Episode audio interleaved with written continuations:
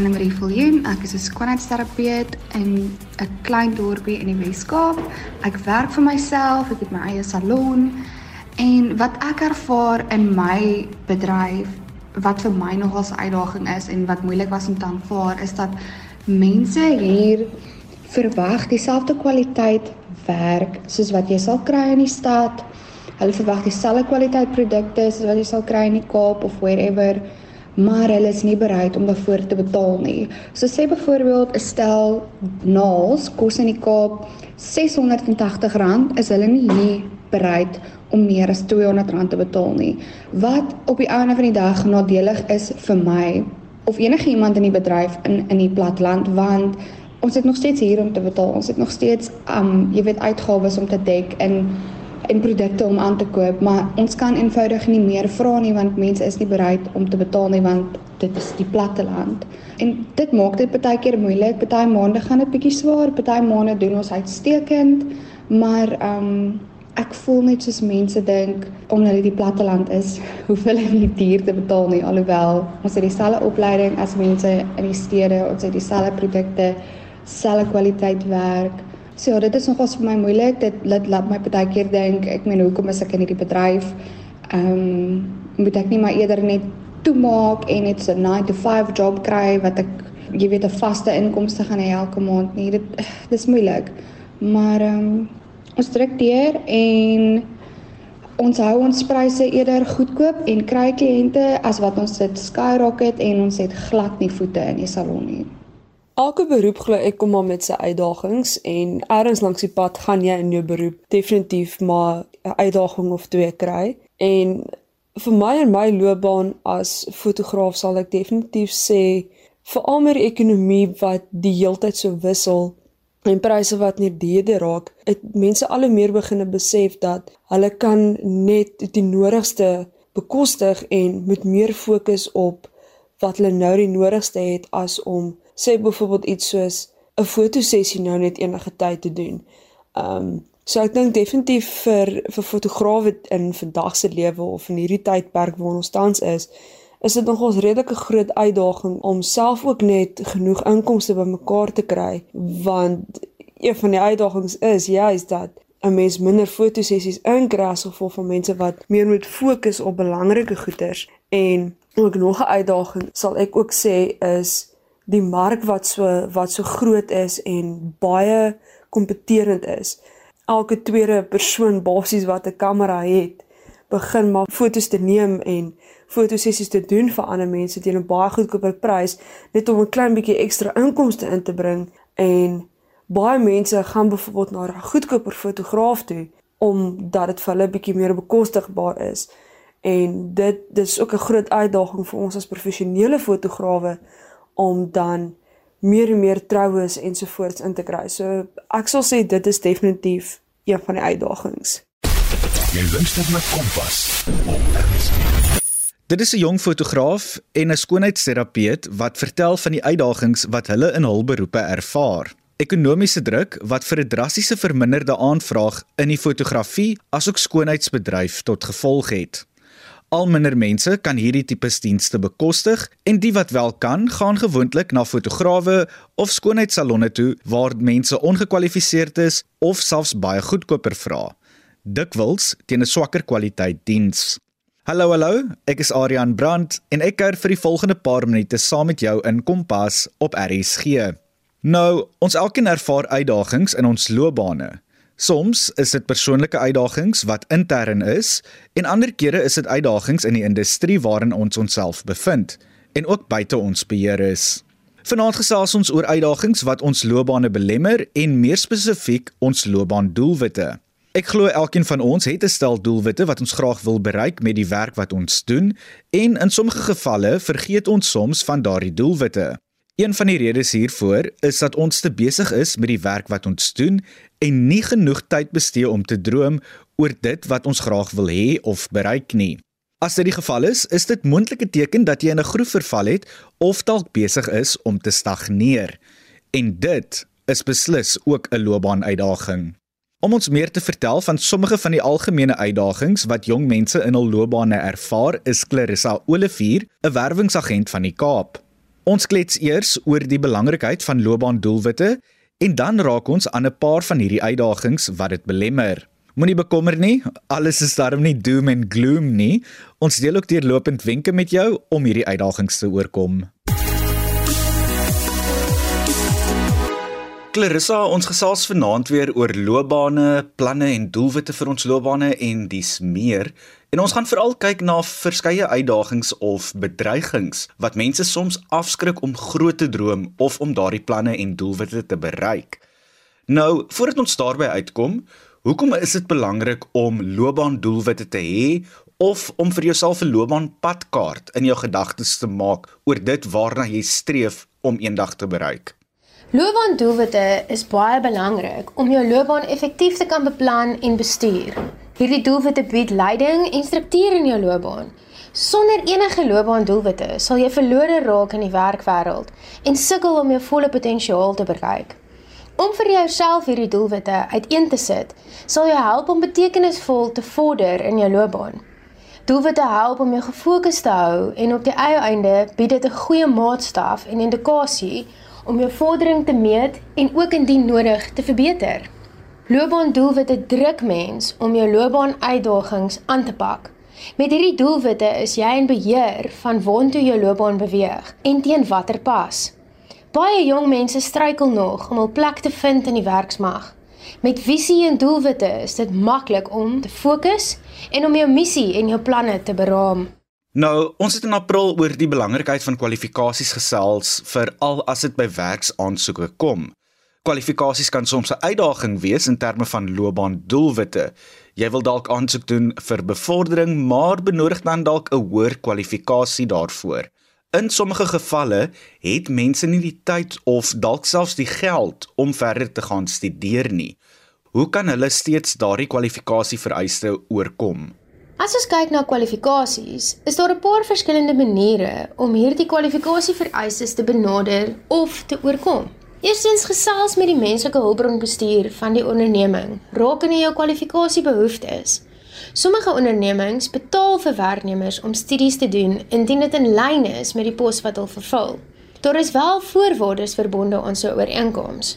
Korter kursusse is ook 'n opsie om na te kyk.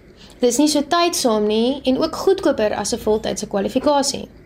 Ondervinding is in sekere rigtings meer waardevol as 'n akademiese kwalifikasie. As dit kom by bevordering, is daar baie organisasies wat on-the-job training aanbied vir hul werknemers. Dit spaar tyd en geld en die werknemer sal baie vinniger die ondervinding opdoen wat benodig word vir die pos. Dit verhoog ook die werkproduktiwiteit en prestasie. Werkskadie is baie goeie opsie. Dit bied geleentheid om verskillende areas en poste in die organisasie te leer ken. Dit verbreek die werknemer se vaardighede en verhoog die werknemer se geleentheid om waarde toe te voeg tot die organisasie.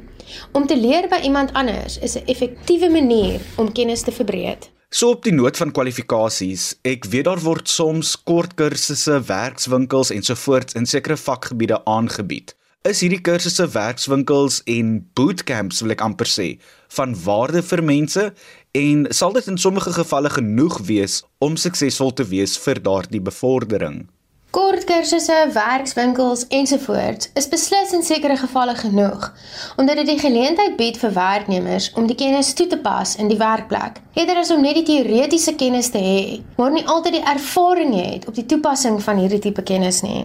Clarissa, ons kan nie oor kwalifikasies praat sonder ook om aan ervaring te raak nie. Hoe kan mense met minder as die vereiste ervaring steeds 'n indruk maak wanneer hulle byvoorbeeld aansoek doen vir 'n hoër rol of pos in 'n onderneming of maatskappy?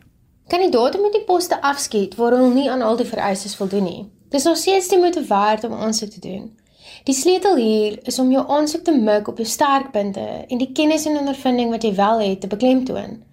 Vir 'n maatskappy om te groei en te streef na hul doelwitte, is professionele vaardighede nie alles nie, maar eerder persoonlike eienskappe van die werknemer binne in die maatskappy.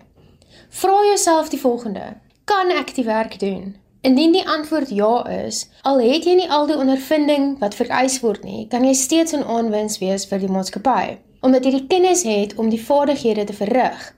In so 'n geval kan jy definitief aansoek doen vir die pos. Beklemtoon en verwys na die volgende in jou aansoek: jou oordraagbare vaardighede, vra vir aanbevelings en verwysings van vorige maatskappye en lys jou prestasies. Nou, ek weet mense verander soms van loopbane en dit kan soms baie stresvol wees. Wanneer jy dit doen, hoef jy sekerlik nie weer van heel onder af te begin nie, want jy beskik tog sekerlik oor sekere vaardighede wat toepaslik is in jou nuwe industrie of loopbaankeuse. Kan jy vir ons meer vertel wat sommige van hierdie vaardighede is en hoe om dit te benadruk as jy byvoorbeeld 'n CV saamstel of in 'n werksonderhoud is? Hier kan ons verwys na oordraagbare vaardighede. As jy huiwerig is om jou werk te verlaat, om van loopbaan te verander, kan jy kyk na jou oordraagbare vaardighede. Jy sal baie van hulle saam met jou kan neem na jou nuwe werk of beroep.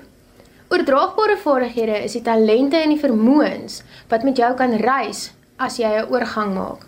Daar is 6 breë kategorieë waarin jy die vaardighede sal hê. Basies, menslik, bestuurs, administratief, navorsing en beplanning en rekenaar en tegniese vaardighede. Ek sal voorstel om hierdie vaardighede volgens die bogenoemde kategorieë te lys en dit te motiveer op jou CV of gedurende 'n onderhoud. 'n Voorbeeld hiervan sal wees: Indien jy sou skuif van 'n bemarkingsbestuurder na 'n onderwysrol, kan jy 'n oordraagbare vaardigheid lys as jou vaardigheid om advertensieveldtogte op te stel. En hierdie vaardigheid kan gebruik word om opwindende en boeiende lesplanne op te stel.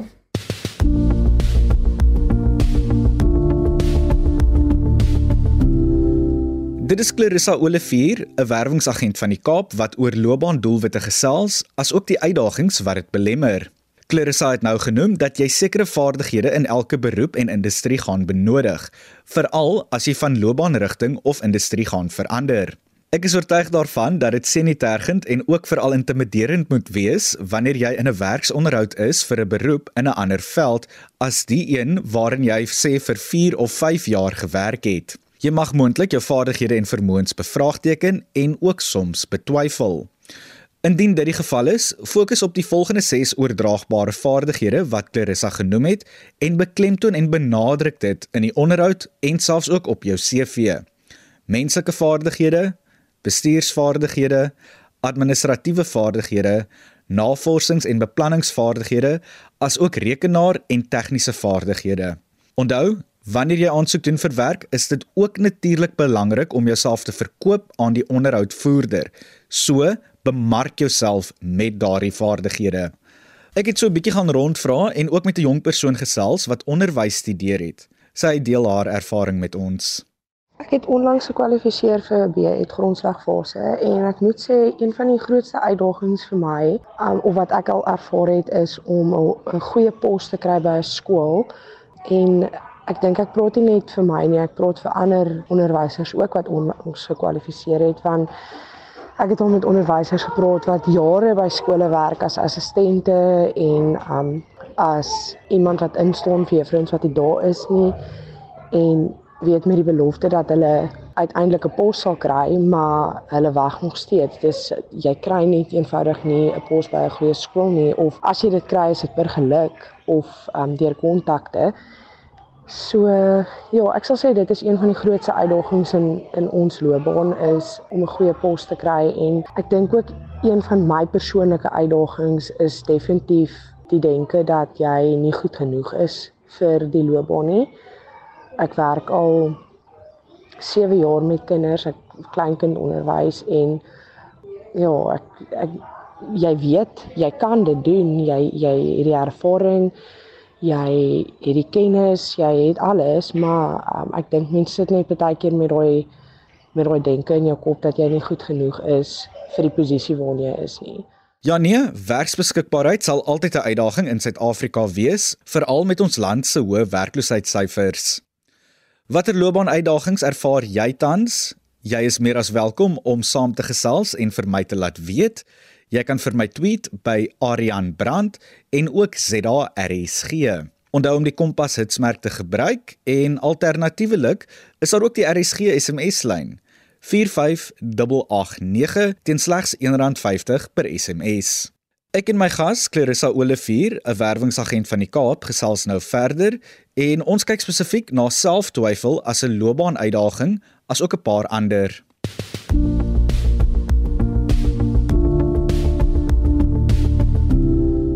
Clarissa, een van die ander uitdagings of strewelinge wat mense soms in hul loopbane ervaar, is selftwyfel. En ek dink dis 'n belangrike een. Mense betwyfel soms hulle vermoëns, impak op die besigheid en ook die rol wat hulle vervul. Dikwels is daar gronde vir hierdie twyfel want miskien het mense in 'n groef verval of het hulle begin stagneer en ander kere is dit net soos ek gesê het, selftwyfel. Watter raad het jy as dit by selftwyfel in jou loopbaan kom? Ons almal het daardie oomblikke by die werk waar ons gebrek aan vertroue in die pad staan van ons sukses. Ek sal voorstel mens moet fokus op die volgende: 'n positiewe geestelike houding. Dit mag dalk klink soos 'n ooglopende een, maar negativiteit is die nommer 1 vertroue moordenaar. Hou op koers. Die belangrikste manier om selfverseker te wees in jou werk is om voort te gaan met die werk. Sorg dat jy voortdurend op hoogte bly van jou omgewing en ontwikkeling. Belê in verhoudings. Daar is niks soos om in 'n negatiewe werksomgewing te werk om jou onsekerheid te voed en jou uitgeput te laat voel nie. Probeer dus om sterk verhoudings te bou met mense saam met wie jy werk. Staan op en word getel. As jy van nature skaam is om jou idees voor 'n groep mense uit te spreek, is dit nou die tyd om jou vrese te bekamp en te praat. Wees jouself. Vertroue spruit uit gemaklikheid en om gelukkig te wees in jou eie vel. Kry 'n ekstra helpende hand. 'n Goeie motiveringsboek is 'n uitstekende manier om jou geïnspireerd te hou en jou 'n dosis perspektief te gee as jy 'n afwisselende oomblik beleef. Clarissa, dit is teen nou al ou nuus dat ons onsself in die 4de industriële revolusie bevind. Tegnologie bedreig baie rolle en posisies in sekere industrieë en ondernemings. Hoe kan ons veranderinge soos byvoorbeeld tegnologie oorkom en selfs daarmee floreer? Die verandering en bevordering van tegnologie is nie net wenige bedreiging nie. Dit beteken net dat ons as werknemers moet meer aanpasbaar wees tot die nuwe norm.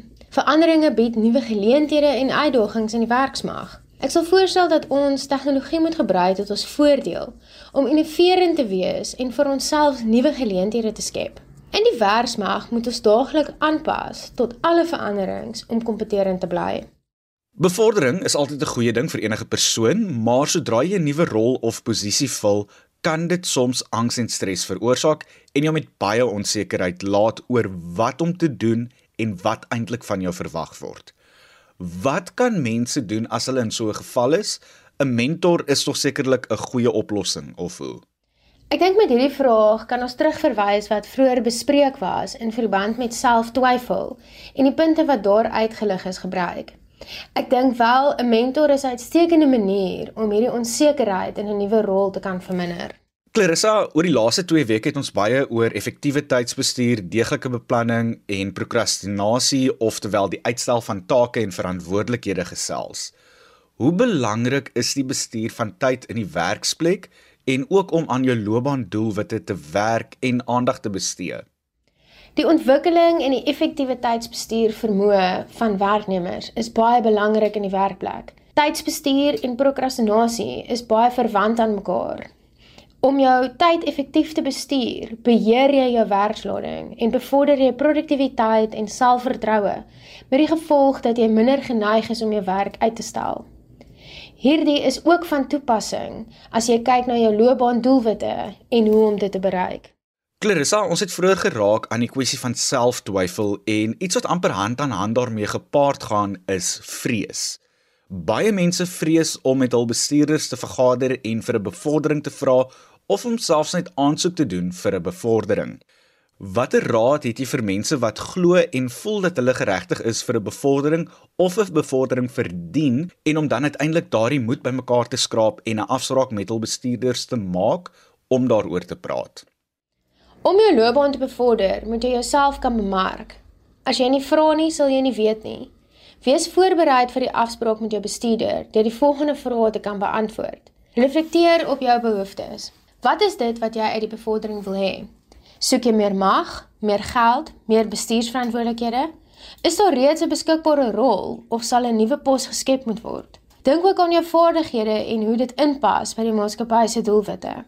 Lys ook jou prestasies in jou huidige rol wat hierdie bevordering kan regverdig. Jy luister na Kompas op RSG. Dit is Clarissa Olivier wat oor uitdagings gesels wat loopbaandoelwitte beïnvloed. Soos Clarissa vroeër genoem het met betrekking tot selftwyfel in jou beroep, is dit belangrik om 'n positiewe houding te hê, om op koers te bly en om in verhoudings met jou kollegas te belê. Praat ook met mense wat saam met jou werk of in jou industrie is en wees net jouself. Meer belangrik, kry hulp as jy jouself te veel begin betwyfel. Daar is nog so een of twee uitdagings waaroor ek vir Clarissa wil uitvra, onder andere die balans tussen werksbevrediging en natuurlik vergoeding. Ons gesels nou verder daaroor. Clarissa, ek moet sê ek leer baie dinge vanaand oor die uitdagings wat loopbaandoelwitte belemmer en bietjie kan uitdaag. Nou, een van die ander uitdagings is natuurlik finansies. Finansies hou mense soms terug om gelukkig te wees in hul loopbane. Ons weet baie mense sit soms in 'n beroep waar hulle uitstekend vergoed word, maar hulle is so mislik soos 10. Hoe vind ons die balans tussen geluk in jou loopbaan en die vergoeding of salaris en voordele wat jy maandeliks kry? As vergoeding en finansies jou motivering is in jou loopbaan, sal jy bereid moet wees om sekere skuwe te maak en minimale werksbevrediging te kan hanteer. As werksbevrediging jou doel is, sal jy 'n balans moet vind tussen vergoeding en bevrediging in die werkplek. Tussen die twee scenario's genoem, is daar elemente wat 'n rol speel in die keuse wat ons moet maak, en dit is persoonlikheid en omstandighede. Om hierdie balans te vind, kan ons ook verwys na Maslow se hiërargie. Ek sal aanraai dat werknemers dit navors. Dit verwys na die basiese noodsaaklikheid van 'n werknemer waar hy of sy begin en hoe hul die werksraam klim tot bo. Hierdie is 'n baie persoonlike vraag en elke werknemer moet self besluit waar hul balans lê tussen vergoeding en werksbevrediging. Clarissa, ek wil nou weer so vinnig gesels oor die belangrikheid van doelwitte en visie vir jou loopbaan. Nou, 'n gebrek aan doelwitte en 'n visie kan baie mense beperk om vir hulself loopbaandoelwitte te stel. Watter raad het jy in sulke gevalle? Doelwitstellings is een van die mees onderskatte instrumente tot sukses. Hiermee bring jy jou toekoms na die hede sodat jy nou iets daaraan kan doen en nie oor 20 jaar van nou af nie. Die toekoms wat jy wil hê word dus vandag geskep en dit is presies wat doelwitstelling so 'n kragtige hulpmiddel maak. Suksesvolle doelwitstelling begin met die identifisering van spesifieke doelwitte. Daarna moet jy 'n plan bedink om hierdie doelwitte op 'n realistiese manier te kan bereik. Ek het 'n paar wenke wat kan help om sukses hiermee te behaal. Kies doelwitte wat die moeite werd is. Maak jou doelwitte spesifiek. Verbind jou tot jou doelwitte.